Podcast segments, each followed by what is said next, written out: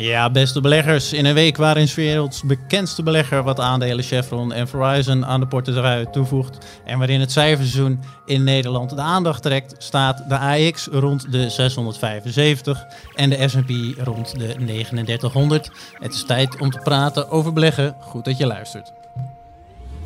There are three ways to make a living in this business.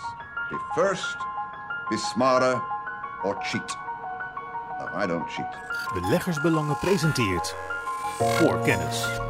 Ja, beste beleggers, leuk dat eh, jullie luisteren. We gaan eh, weer een lekkere podcast eh, tegemoet. Mijn naam is Maarten en bij me in de studio zit Karel Merks. En even verderop zit Stefan Hendricks. En we hebben weer een leuk lijstje aan items voor, voor u klaar liggen. Uh, onder andere gaan we het hebben over de indexaanbieders die strenger gereguleerd moeten worden.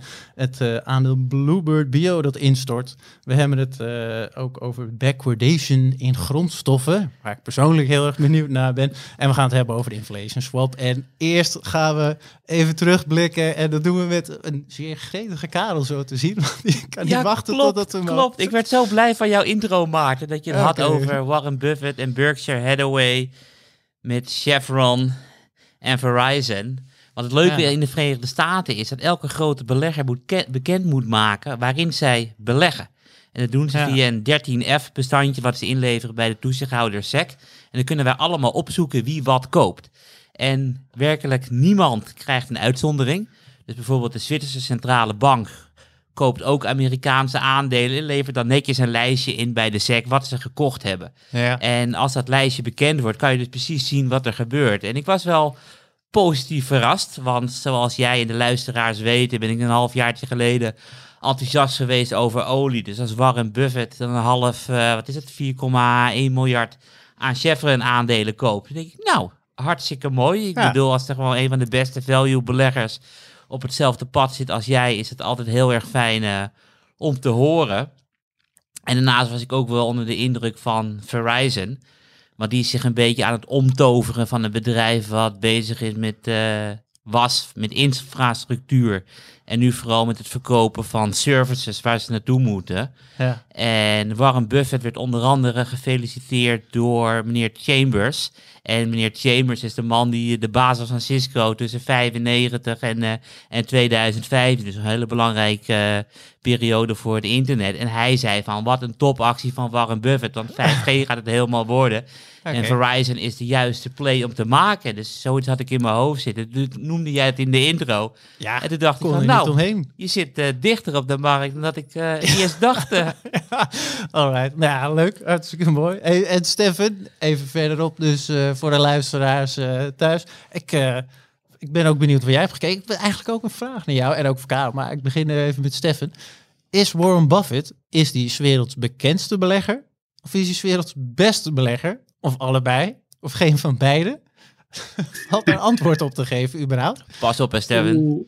Oké, okay, nou, ik, um, ik laat zo direct Karel er nog iets over zeggen, want hij heeft uiteindelijk Berkshire uh, getipt. Laten we in ieder geval maar ophouden dat, dat hij de bekendste uh, belegger is. Misschien dat hij ook een tijd lang wel de beste belegger is. Ja. Volgens mij, Karel, uh, was niet Jim Simmons van Renaissance Capital, een hedge fund, was die eigenlijk niet officieel lang de beste belegger ter wereld? Tot aan, denk ik, dit jaar geloof ik.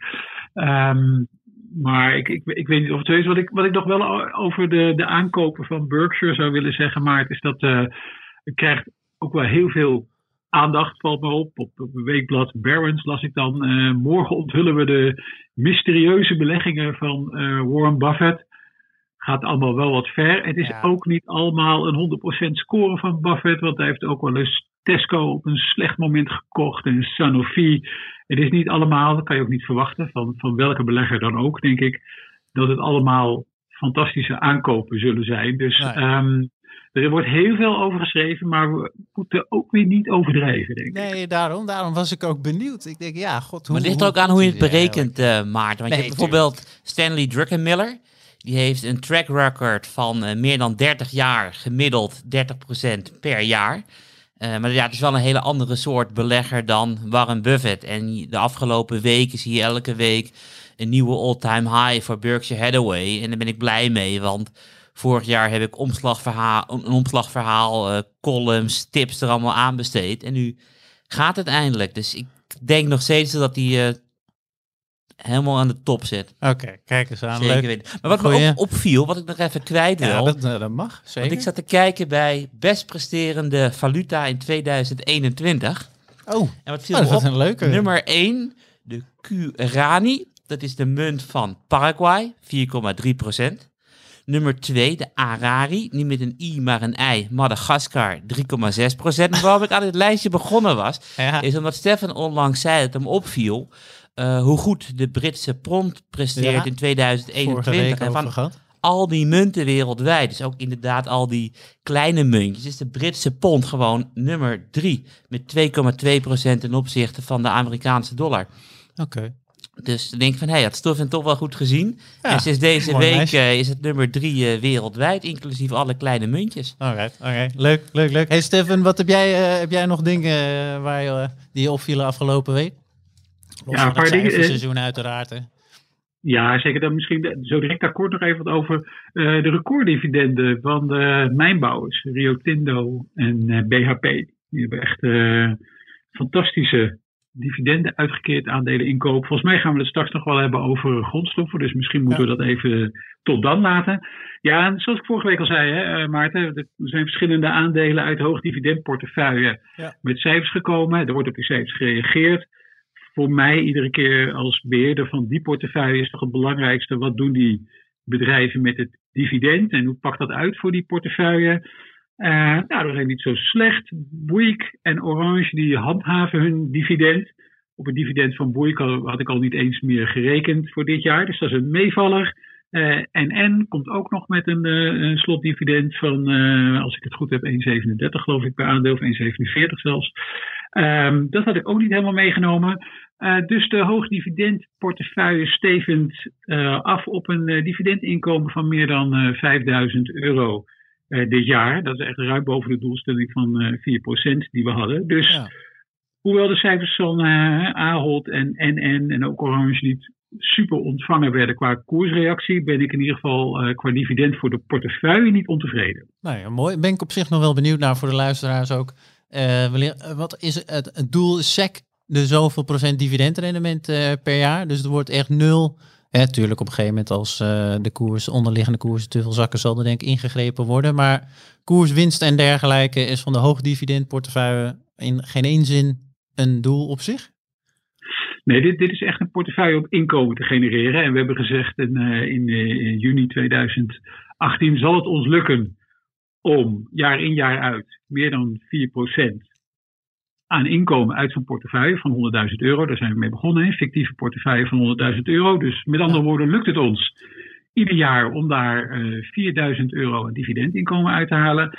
Eh, nou, dat is iedere keer gelukt, eigenlijk meer dan. En, eh, en dit jaar zou wel eens het, eh, het beste jaar kunnen worden qua dividendinkomen voor deze portefeuille. Oké, kijk eens aan. Mooi, leuk. We zetten een linkje uiteraard in eh, de show notes voor eh, de mensen die even willen gluren in de portefeuille.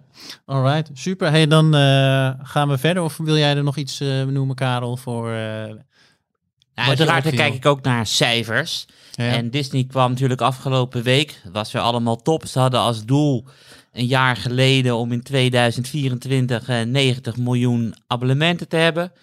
Nu 2021 zitten ze al op 95 miljoen. Dus de doelstelling voor 2024 is verhoogd naar 260 miljoen. Onverwachts eh, winstgevend omdat ze keihard hebben gesneden in de kosten van parken. Dus straks als alles weer open gaat, dan zijn de cijfers helemaal mooi. Het staat al jaren op koop en ehm, Ja. all-time high. Alleen wees niet bang voor een all-time high, want mooie aandelen staan vaker wel dan niet op een all-time high als ze zich eh, aan het ontwikkelen zijn. Kijk eens aan. Mooie quote zeg hé. Die gaan we even verspreiden over het internet. Mooie aandelen staan wel vaker op een all-time high. Oké, niet bang. Ja, daar, daar heeft Karel gelijk in, eh, Maarten. Want ehm eh, gisteren kwam, eh, dus de, eh, deze week kwam ook Charles River Laboratories, een van de aandelen die ik had getipt, de nummer drie eh, van dit jaar met cijfers. En daar schreef ik al van bedoel je het eh, tijdschrift eh Beleggersbelangen? Week, week, drie van het tijdschrift, Precies, ja. dus in januari. Een prachtig aandeel, wat ik al zei, maar duur. Maar ehm, ja, als aandelen goed blijven presteren, dan loopt het gewoon verder op. Dus sindsdien is de koers ook met 7,5% gestegen naar cijfers die ook weer boven verwachting waren. Dus ik ben het op zich wel met Karel eens. Soms zijn dure aandelen die all-time highs aantikken geen reden tot angst, maar is het eigenlijk gewoon een uitvloeisel van een bedrijf dat ontzettend goed draait. Kijk eens aan. Mooi. Hier gaan we wat mee doen, denk ik. Dan uh, deze schitterende uitspraak. Leuk, uh, Stefan. Alright, we gaan verder. Denk maar naar het eerste onderdeel uh, toe. Althans, het geluidje die werkt niet helemaal mee, helaas. Maar. Voorkennis. Kijk. Komt hij toch nog? En ik denk, we gaan maar gewoon beginnen met de index aanbieders. Dat door Stefan aan, want die moeten strenger worden gereguleerd. Wat vertelt Stefan, wat is hier allemaal gaande? Nou, het was een interessant artikel, verscheen in de Financial Times deze week. En dat was weer naar aanleiding van een rapport van twee academici van de Universiteit van Toronto in Virginia. Dat is verder niet zo heel erg belangrijk, maar hun, hun stelling is wel heel erg interessant. En zij zeiden de, de invloed van indexaanbieders wordt nu zo groot dat uh, de SEC misschien toch eens wat meer naar deze partijen moet kijken en misschien wat, uh, wat strenger moet zijn in de regelgeving. Want wat, wat is het nou? Die die indexaanbieders, die maken indices waarop ETF's worden gebaseerd. En daar beleggen mensen hun geld weer in. Ja. Dat betekent dat zo'n indexaanbieder heel erg veel macht heeft, want die bepaalt uiteindelijk uh, welke landen, welke regio's, welke sectoren, welke aandelen en obligaties, welke wegingen in een index krijgen, waar mensen vervolgens weer in gaan beleggen. Nou, als je het hebt over de S&P 500 of al die hele grote brede indices, dan is dat allemaal niet zo van belang. Maar als je het hebt over wat specifiekere producten, thema-ETS bijvoorbeeld, ja, dan is het natuurlijk heel erg van belang wat die indexaanbieders doen. En die worden nu eigenlijk uh, nauwelijks nog gecontroleerd, is de stelling van deze academici. En dat klopt ook wel. Uh, en of dat nou uiteindelijk gaat leiden tot meer wetgeving of niet, dat is misschien wat mij betreft uh, op dit ogenblik nog niet eens zo heel erg belangrijk. Waar het wel om gaat, wat mij betreft, is dat het uh, beleggers nog maar eens een keertje wijst op het feit dat je onvoorstelbaar veel aandacht moet geven aan de index waarin je belegt op het moment dat je een ETF koopt. Dus te veel beleggers, denk ik, worden nog afgeleid door de leuke naam en kijken vervolgens niet precies hoe wordt die index eigenlijk samengesteld. Verandert die ETF misschien af en toe ook nog wel eens van, van index. Het druk je nog wel weer eens met de neus op de feiten. Dat is voor iedere ETF-belegger is dit onderzoek van belang. Dus vooral deze gedachte van belang. Je moet echt heel erg goed weten in welke index je belegt. En nogmaals, de S&P 500 en alle andere brede bekende indices. Daarvan weet je wel hoe ze werken, wat de selectiecriteria zijn. Maar voor andere, bijvoorbeeld thematische ETF's, in de specifieke ETF's, is het toch wel goed om je wat meer te verdiepen in de onderliggende index. Ja, want ik kan me voorstellen, de ETF's natuurlijk gewoon een gemaksproduct voor een groot deel dat dat wegneemt. Maar eh, ik weet dat we zelf, Karel heeft ook een stuk geschreven over selectiecriteria voor de ETF's. En daar zat ook heel veel factoren aan waarnaar gekeken moest worden. Uh, hoeveel, hoeveel tijd, hoe, ja, tenminste, ja, hoeveel tijd moet je erin steken uh, bij het kopen van een ETF? Uh, voordat je zegt, we moeten niet blind, oh, het is iShares, dus het is goed. Of zijn er wel bepaalde namen waarvan je zegt, nou, daar kan je wel van uitgaan dat het uh, snor zit. Nou, het heeft niet zozeer, Maarten, te maken met de, um, de ETF-aanbieder. Hey, die biedt natuurlijk een heel palet aan, mm -hmm. uh, aan, aan producten. Um, en dat kan een hartstikke goede index zijn. Uh, het kan misschien een index zijn die best wel een goed, uh, een, een, goed doel nastreeft. In de zin van dat je blootstelling krijgt aan een bepaalde sector van een bepaalde trend. waar je als belegger blootstelling aan zou willen hebben. Ja.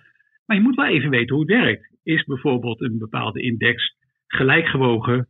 Uh, of gaat het op basis van beurswaarde? Gaat het op basis van dividendrendement? Of gaat het op basis van uh, dividendgroei of een totaal uitgekeerd dividend? Nou, dat soort overwegingen, ja, die moet je iedere keer wel hebben. Dus als je, als je belegt in ETF's, en het zijn niet die, die brede uh, indices waar ja. de ETF uh, um, in belegt. Ja, dan moet je gewoon, dan moet je toch wel wat meer tijd gaan steken in de index waar je uiteindelijk in belegt.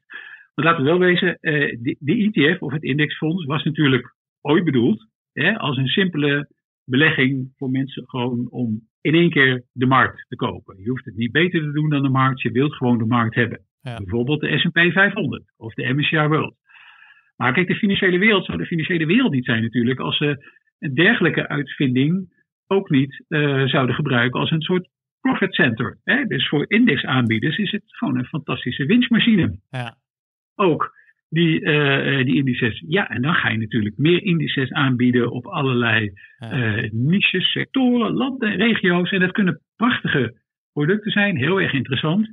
Maar de hoeveelheid producten maakt wel dat je als belegger gewoon extra goed op moet letten. Zodra je zeg maar buiten de wat mainstream indices gaat beleggen. Dan zul je daar wat meer aandacht aan moeten Oké, besteden. goeie. Ik eh, zet voor de luisteraars eh, de selectiecriteria die Karel uitgeschreven heeft in ieder geval even in de show notes. Dus eh daar kunnen de luisteraar alweer een stukje verder mee. Goeie, leuk eh Stefan. Voorkennis. We gaan verder. En eh nou had ik met Karel afgesproken dat hij een bepaalde voorkeur had eh, voor zijn onderwerpen. In ieder geval welke als eerst behandeld moest worden. Maar ik ben eigenlijk vergeten welke. Maar volgens mij was grondstoffen als eerst, toch? Ja, heel goed. Ja, oké. Nou, we gaan het hebben Volgende keer moet je gewoon bluffen, Maarten. Ik bedoel, Stefan en ik corrigeren wel eh, als je iets niet onthouden hebt. Heel goed. Nee, we gaan het hebben over backwardation in grondstoffen. En backwardation is een term die ik in ieder geval niet ken. Dus je mag mij en de luisteraars die het ook niet weten even gaan uitleggen wat hier allemaal gaande is. Nou, op het moment dat je in aandelen belegt, dan heb je geen afloopdatum. Want aandelen kan je altijd houden zolang je wil en het aandeel bestaat. Alleen bij grondstoffen heb je dat wel. Omdat bijvoorbeeld de oogst komt er. En die oogst komt de volgende maand en niet over vijf maanden. Ja. Dus als er bijvoorbeeld suiker wordt gewonnen, dan gaat de boer, verkoopt eh, een future contract. En bijvoorbeeld een chocoladefabrikant koopt die future omdat hij suiker wil voor de chocolade. Ja. En daardoor heb je dus allemaal verschillende prijzen. Dus je hebt suiker van over een maand, suiker van over twee maanden, et cetera. Tot en met suiker wat over een paar jaar wordt gewonnen. Ja. En er is een eh, interessant fenomeen en dat heet backwardation. En dat is dat de huidige prijs hoger staat dan de toekomstige prijzen. En dat betekent eigenlijk maar één ding: dat er een tekort is in de markt aan een bepaalde grondstof. En dat dus mensen die nu suiker nodig hebben of volgende maand suiker nodig hebben, de prijzen opdrijven. En dat is voor de belegger heel erg interessant. Want je koopt bijvoorbeeld suiker over drie maanden. En dan in de, op het moment dat het tekort in die markt blijft, dan loopt die prijs automatisch op. Want ik heb een voorbeeldje meegenomen van suiker. De suiker kost op dit moment eh, 463 dollar. Ja. Over een maand leverbaar, bepaalde hoeveelheid. Een, eh, over twee maanden is het 440. Over drie maanden is het 420. Ja. Oftewel, hoe verder je kijkt, hoe goedkoper het is. Dus als je nu voor 420 koopt, dan weet je dat die prijs uiteindelijk over een aantal maanden naar 460 oploopt. Dus dan verkoop je duur, want, je, want je rolt het dan weer door. Dan heb je een positieve doorrol yield. En je ziet nu dat bijna elke grondstof in backwardation is. En het is een van de meest interessante tijden om in grondstoffen te beleggen, omdat je elke keer die positieve doorrol yield hebt. Oké. Ja, maar goed, er zit natuurlijk wel. Hè, het kan zelf. De prijs van suiker kan natuurlijk naar boven en naar beneden gaan ondertussen. Maar dat is Klopt, dan. maar op het moment dat je dus een, een- een backwardation hebt, Ja. betekent dus dat de huidige prijs echt een stuk duurder is dan in de toekomst. Dan is er een tekort. En dan is de vraag van hoe groot is de kans dat de komende tijd die tekorten worden opgelost. En je ziet nu in steeds meer grondstofmarkten, bijna eigenlijk allemaal, noteren ze in backwardation. Ja, Dus dat betekent dat er tekorten zijn. oké. En dat is wel heel interessant om op grondstoffen in te spelen. Dat is ook een van de redenen waarom ik een omslagverhaal over grondstoffen heb geschreven twee weken geleden. Door al die positieve doorrol yield. Oké. Goeie. Dus backwardation is eigenlijk een kenmerk. Eh, Dat je in de voor grondstoffenmarkt tekort. moet. Ja, En dat de huidige prijs duurder is dan de toekomstige prijs. En je belegt in de toekomstige prijs. En het wordt, uiteindelijk wordt de toekomstige prijs de huidige prijs. En dan verkoop je duur. En dan koop je weer een goedkopere terug van een aantal maanden. Weet je. En de handelaar doet het zelf met futures. Maar op Ja. het moment dat een belegger een ETN koopt, dus een exchange traded eh note op grondstof, dan heb je als onderliggende waarde die futures. Ja, oké. Goeie. Ik ben eh, benieuwd, want je hebt nu suiker noem je als voorbeeld. Maar eh, is het zo dat nu eh, deze, dit effect bij alle grondstoffen gaande is? bij een Bijna groot bij deel? alle, Ja? behalve eh, afgelopen week zink en cacao. Maar de rest zit allemaal in, in backwardation. Oké, nou, leuk. En dan zie je dus ook dat bijna elke grondstoffenindex, dus de CRB of de Bloomberg Commodity Index, die gaat gewoon elke week hoger en hoger en hoger. Oké. Oké, kijk eens aan. Ik zal het artikel uh, overigens uh, weer in de show notes uh, zetten. Wordt weer een mooie show notes. We moeten ook nog even naar Stefan toe, want die meende op het begin nog even te zeggen dat hij ook over grondstoffen terug wilde komen. Toch Stefan, of niet? Nee, nee, de, de, backwardation is echt een onderwerp voor Karel, denk ik. Daar, moet, daar, daar, heb ik volgens mij helemaal niks aan toe, toe te oh, voegen. Okay, okay. wat, ik, wat ik wel interessant vind, Karel, is dat ik van alle publicaties die ik lees echt het begrip supercyclus in grondstoffen steeds vaker tegenkom. En ik ben heel erg benieuwd of we nu gewoon te maken hebben met een, een cyclisch herstel. Het gaat economisch uh, misschien weer wat beter, dus de vraag naar verschillende grondstoffen neemt toe. Of dat we aan de start staan van een periode, want dat is een supercyclus, dat je aan de start staat van een periode van, een lange periode van prijsstijging. Heb jij, wat, wat is jouw idee erover? Ja, je verwijst natuurlijk wat ze in het buitenland zeggen, in het Engels de commodity supercycle paar maanden geleden, geloof ik, voor het eerst weer van stal gehaald door Goldman Sachs. Ik kom het ook steeds vaker tegen. En tussen 2000 en 2008 was het natuurlijk een enorme bullrun. Dat olie van 10 naar 150 ging, dus gewoon maal 15.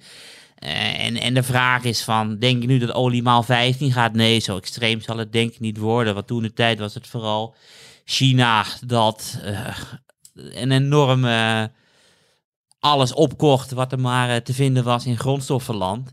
Maar wat je dus wel ziet is, uh, om even mijn tweede onderwerp erbij te pakken, is dat je de, de inflatie zie je uh, toenemen. Vooral de inflatieverwachtingen. En ik zelf kijk altijd naar de vijf jaar, vijf jaar USD inflation swap. Dus dat is de verwachte inflatie wat de markt denkt tussen 2026 en 2031. En die zie je nu ook alweer elke maand hoger en hoger tikken. En grondstoffen zijn wel de asset class die van alle verschillende asset classes het meest positief correleert met inflatie. En als er inflatie komt, dan geloof ik wel dat we een kans is op zo'n enorme boomcycle. Maar um, eerst maar eens het komende jaar afwachten. En het komende jaar ben ik enthousiast. En als er dan als bonus zo'n supercycle aan zit te komen, is het alleen maar mooi. Ja, wat heb jij, jij, jij hebt inderdaad recent uh, wat getipt op de grondstoffenmarkt, maar dat was in principe met een, beleggingshorizon van 12 maanden als ik dit uh, zo hoor. Want ik vraag me dus ook af, in dat ik meen me ook te, dat je voor een langere periode de tips gaf, maar... Ja, zo voor een langere periode. Kijk, en het is een beetje afhankelijk van wat gaat er gebeuren in de tweede helft van 2021. Ik bedoel, de consensus is een beetje, we hebben nog nooit zoveel vraag opgespaard. En er gaat echt een enorme uh, inhaalslag komen en we gaan helemaal los. En de inflatie reist de pan uit. En de Federal Reserve heeft al gezegd, tijdelijk hoge inflatie maakt niet uit. We kijken niet naar een jaar, het gaat om de gemiddelde inflatie. Dus die zal niet gaan ingrijpen. Alleen de vraag is, gaat dat werkelijk gebeuren? Want er zijn ook economen, bijvoorbeeld David Rosenberg, die zeggen van dat gebeurt niet omdat uh, mensen hebben dat geld niet. Ze zijn bezig met het aflossen van hun creditcardschulden. En ze hebben uh, heel erg veel aan hun huis verbouwd. En als je bijvoorbeeld kijkt naar uh, restaurants, uitetentjes en pretparken en dat soort zaken. En je mhm. hebt verbouwingen aan het huis. Dan zijn verbouwingen aan het huis twee keer belangrijker voor de economie dan die etentjes en die pretparken. En zijn punt is dat we zoveel aan ons huis hebben gedaan het afgelopen jaar, dat we de komende jaren daar veel minder aan gaan doen. Dus hij ziet helemaal niet die inflatie terugkomen. Dus ik, sowieso de komende zes maanden denk dat het een no-brainer zijn, die grondstoffen. En daarna is de vraag van, zet het door, ja of nee. Ik ben zelf ben ik fan van uh, de historicus Russell Napier. En die is echt uh, twintig jaar lang zat hij in het deflatiekamp. En die zegt, nou ja, er gaat gewoon inflatie komen en gaat de pan aanruizen. Maar ik hm. vind het ook heerlijk om research van uh, Lazy Han te lezen. En een uh, hele oude man al. En die is al 40 jaar in het deflatiekamp. En die heeft al 40 jaar gelijk. En die zegt van nee, die deflatiestorm gaat gewoon verder. En ik ben ook wel heel erg nieuwsgierig uh, hoe Stefan tegen dit onderwerp aankijkt. Inflatie, deflatie. Wat gaat er gebeuren, Stefan? Oh, wat een hele goede, maar hele moeilijke vraag. En op korte termijn ben, ik het wel met je eens. Uh, dan is het gewoon een, dan is het een cyclisch, uh, een cyclisch effect. Ja, op lange termijn zou ik denken, hangt het ook heel erg af van wat is nou de uh, structurele groeivoet van een economie. Ja, en die hangt toch af van de groei van de arbeidsproductiviteit en de groei van de beroepsbevolking. Zo simpel is het. Nou, de beroepsbevolking groeit volgens mij niet zo heel erg hard. Uh, de arbeidsproductiviteit groeit ook niet zo heel erg hard. Dus ja, ik zit voorlopig nog wel iets meer aan de kant van, zodra we dat cyclische effect achter ons hebben, dat we niet snel terug zullen gaan naar een periode van heel hard oplopende uh, groei en hard oplopende rente. We hebben ook onvoorstelbaar veel schulden gemaakt de afgelopen tijd. En daar wordt natuurlijk de vraag van wat gaan we, wat gaan we daarmee doen? En op het moment dat we een strak regime hebben om die schulden af te lossen, hè, nu geven we als overheid, ik zeg we, hè, dat zijn we met z'n allen, geven we heel veel geld uit aan de bestrijding van die coronacrisis. Dat betekent dat de begrotingstekorten lopen op, de staatsschulden lopen op. Ja, die moeten op een gegeven moment een keer worden terugbetaald. Nou ja, hoe betaal je die terug? Nou, bijvoorbeeld door de belastingen te verhogen. Oh, Stefan, nu ben ik heel erg nieuwsgierig hoe jij aankijkt tegen MMT. En uh, Karel, vertel eerst even nou wat het is voor wie het niet weet. Wil je de, de, populistische term, dat is Magical Money Tree, of de officiële term. En dat is Mone, wat is het ook alweer, Stefan? Ik weet niet eens meer wat het officieel is. Ik denk een modern monetary theory, als ja, ik niet vergis. Klopt. uh, en, en het idee daarachter is dat een staatsschuld niet een, een staatsschuld is en dat een overheid onbeperkt kan uitgeven en de taak van de centrale bank op zich neemt. En op het moment dat er dan uh, inflatie komt, dan rem je de inflatie af door de belasting te verhogen. Komt er geen inflatie, dan kan je onbeperkt uitgeven. En steeds meer mensen denken van, hé, hey, we moeten wel naar een MMT-systeem toe. Hoe kijk jij daar tegenaan, Stefan? Nou, we moeten in ieder geval iets met die schulden. Dat is natuurlijk wel, er zijn er komen nu allerlei varianten over wat moet er nou met die schulden. Een van die, deze varianten is, nou die schuld doet er in principe niet zo heel veel toe. Dus laat maar gaan. Uh, maar er zijn ook andere varianten die zeggen, nou we moeten, moeten toch wel degelijk iets met die schulden. Die moeten we of gaan uh, aflossen, of wat natuurlijk, je nu ook wel heel voorzichtig is, is hoort. Ja, als ze zijn opgekocht door de centrale bank, kunnen we ze daar niet gewoon doorhalen, schulden.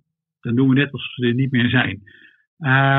Nou, misschien ben ik nog, uh, heb ik net iets zo lang geleden economie gestudeerd om, om hier allemaal heel erg enthousiast voor te worden. Dus ik zou denken, we moeten toch nog wel iets anders met die schulden dan wegstrepen of net doen alsof ze er niet zijn. Uh, ja, dan blijft nog over gewoon wanbetaling, gewoon niet betalen. Ja, dat, is sowieso niet zo'n goed idee. meer belasting heffen om ze gewoon af te lossen. Nou, dat remt waarschijnlijk de groei. Of meer inflatie toe te staan, waardoor de aflossing van die schuld ook wat eenvoudiger wordt. Ik heb gewoon geen idee uh, waar dat naartoe gaat. Vooral ook niet, omdat het nu heel erg een politieke keuze gaat worden natuurlijk. Ja. Wat we daarmee willen doen.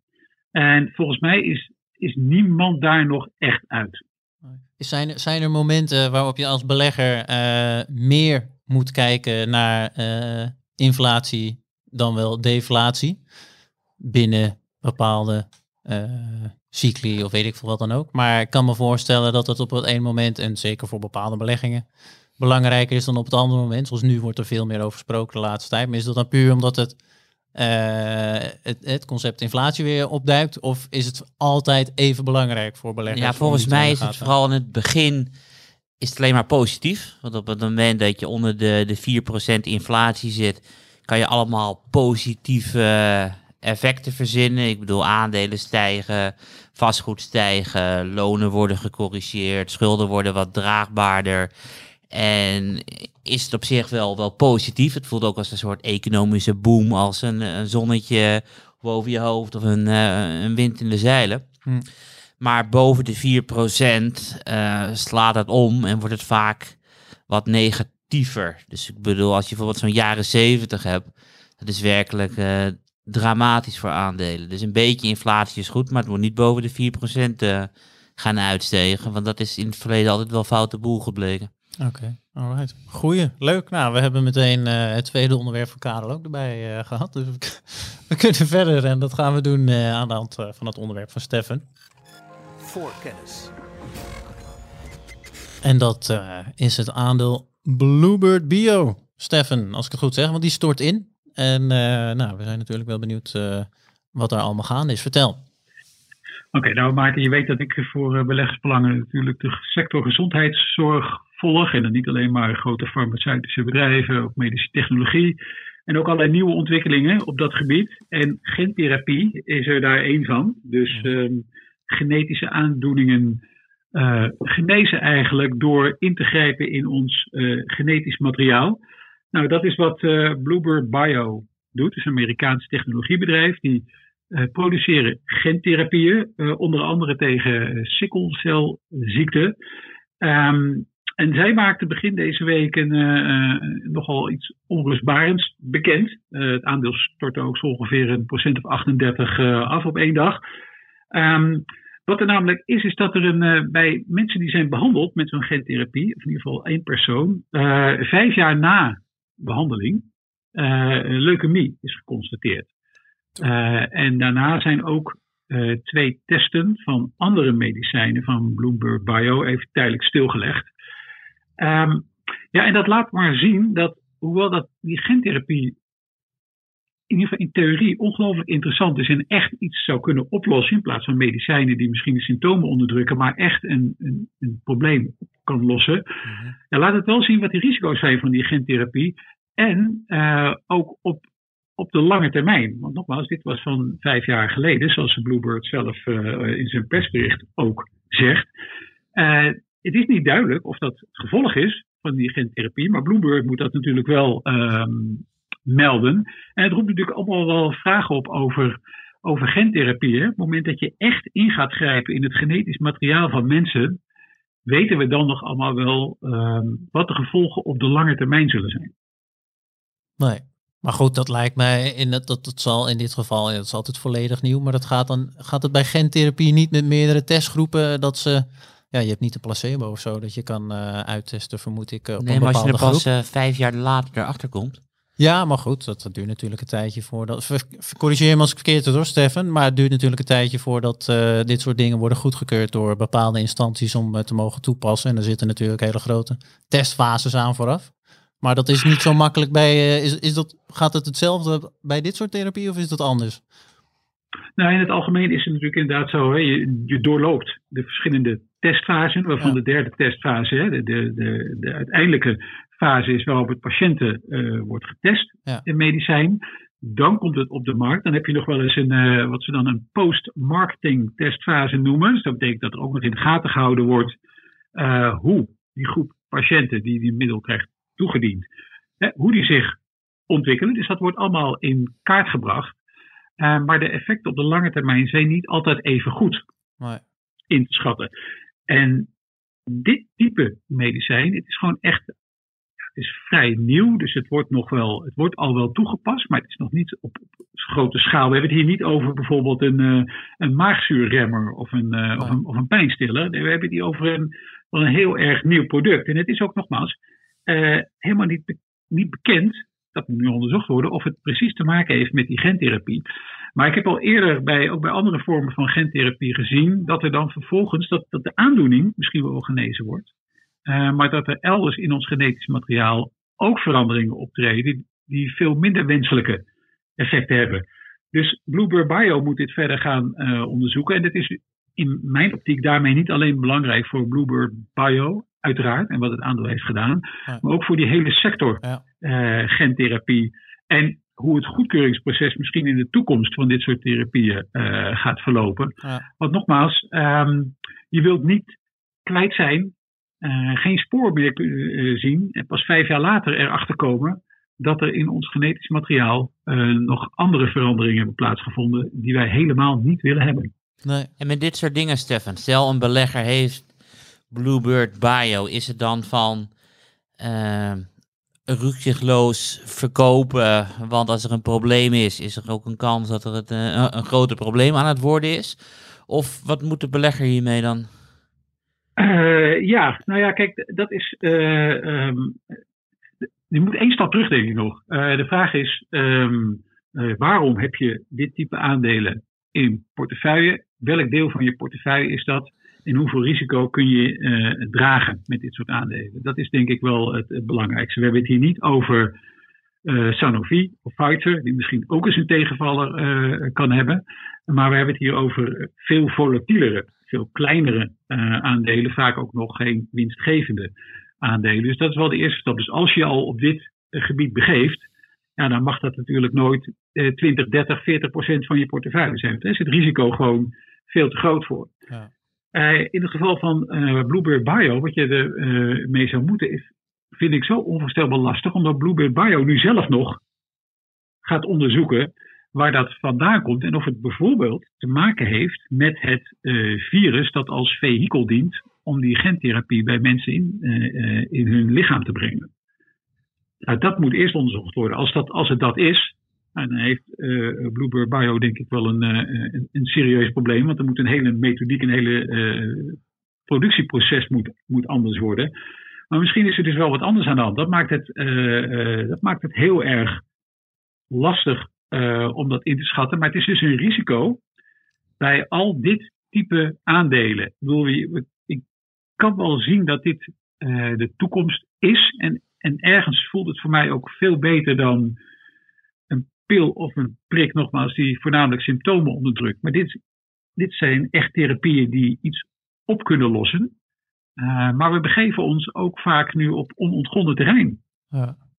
Ja, en dit is niet alleen voor Blubber bij natuurlijk, maar als het inderdaad blijkt hè, dat het door die therapie uh, komt, dan is het voor de hele sector natuurlijk, want het hele proces van goedkeuring wordt dan uh, aangepast, vermoed ik zomaar in ieder geval, of tenminste, daar zal ja, zeker, betekent, gekeken worden.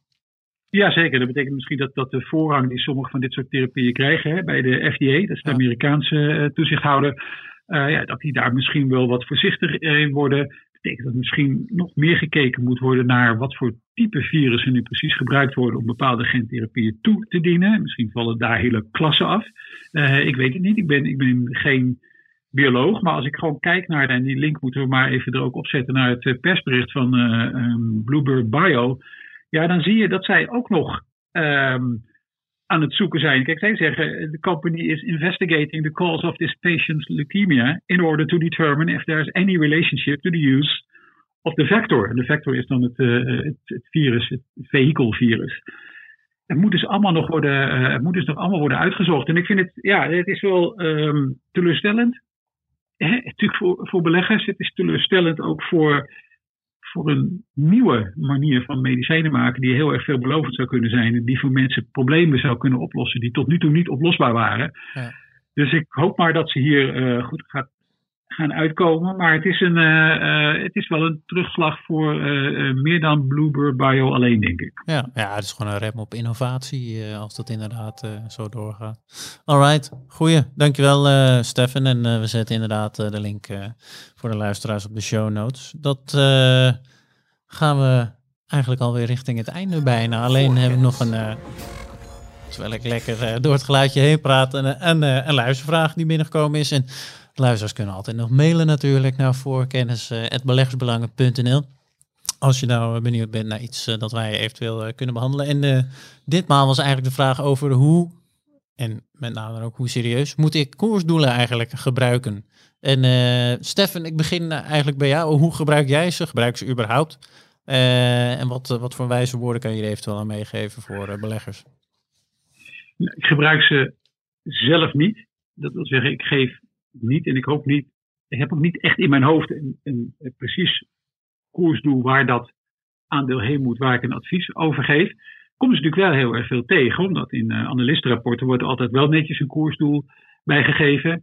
En daar geldt ook weer voor. Uh, ja, dan moet je toch even checken waar komt dat vandaan. En uh, nou ja, soms zijn analisten buitengewoon fantasierijk in het, uh, in het bepalen van een, uh, in het bepalen van een koersdoel. Dus het kan een, combinatie zijn van uh, waardering van sectorgenoten. Het kan zijn via een discounted cashflow model. en daarin kun je aan een heleboel knoppen draaien. En um, ja, daarin kan uiteindelijk iets uitkomen wat jij heel erg graag zou willen dat eruit komt. Dus het is ook wel met, met gezond verstand dit soort koersdoelen aanzien.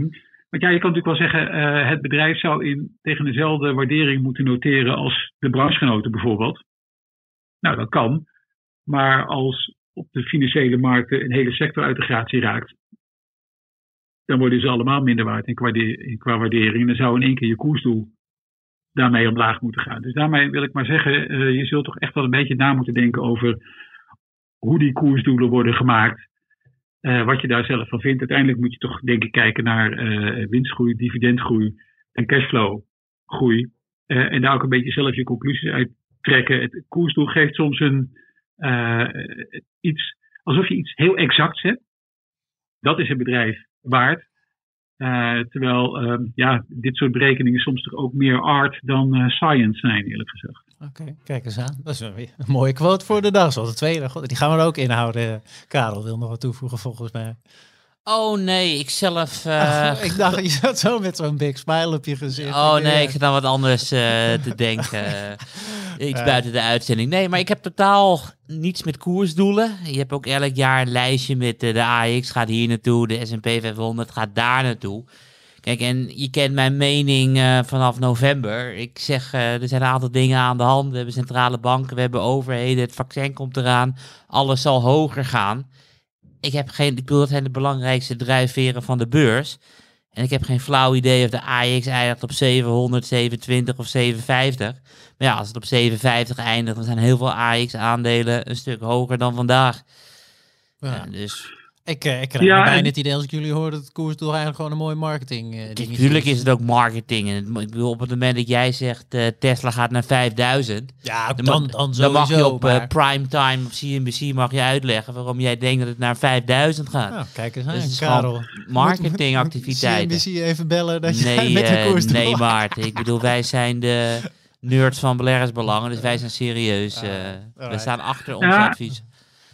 Nou, kijk eens maar, eh, Karel, kijk, je, je, we hoeven het niet helemaal, eh, allemaal weg te smijten en zeggen dit is alleen maar onzin. Het kan ook wel een, eh, een, een enige indicatie geven voor je. Of in ieder geval zorgen dat jij je eigen aannames eens goed test. Dus als je een, Oké, ja. een, een, zo'n een discounted cashflow model maakt, dan heb je daar een aantal inputs in. Wat, zijn, wat voor cashflows verwacht je dat een bedrijf gaat maken? Hoe denk je dat het aandeel gaat bewegen ten opzichte van de beurs als geheel? Hoe denk je dat de rente zal eh, zijn? Hè? Dat bepaalt mede mijn disconteringsvoet van die toekomstige cashflows.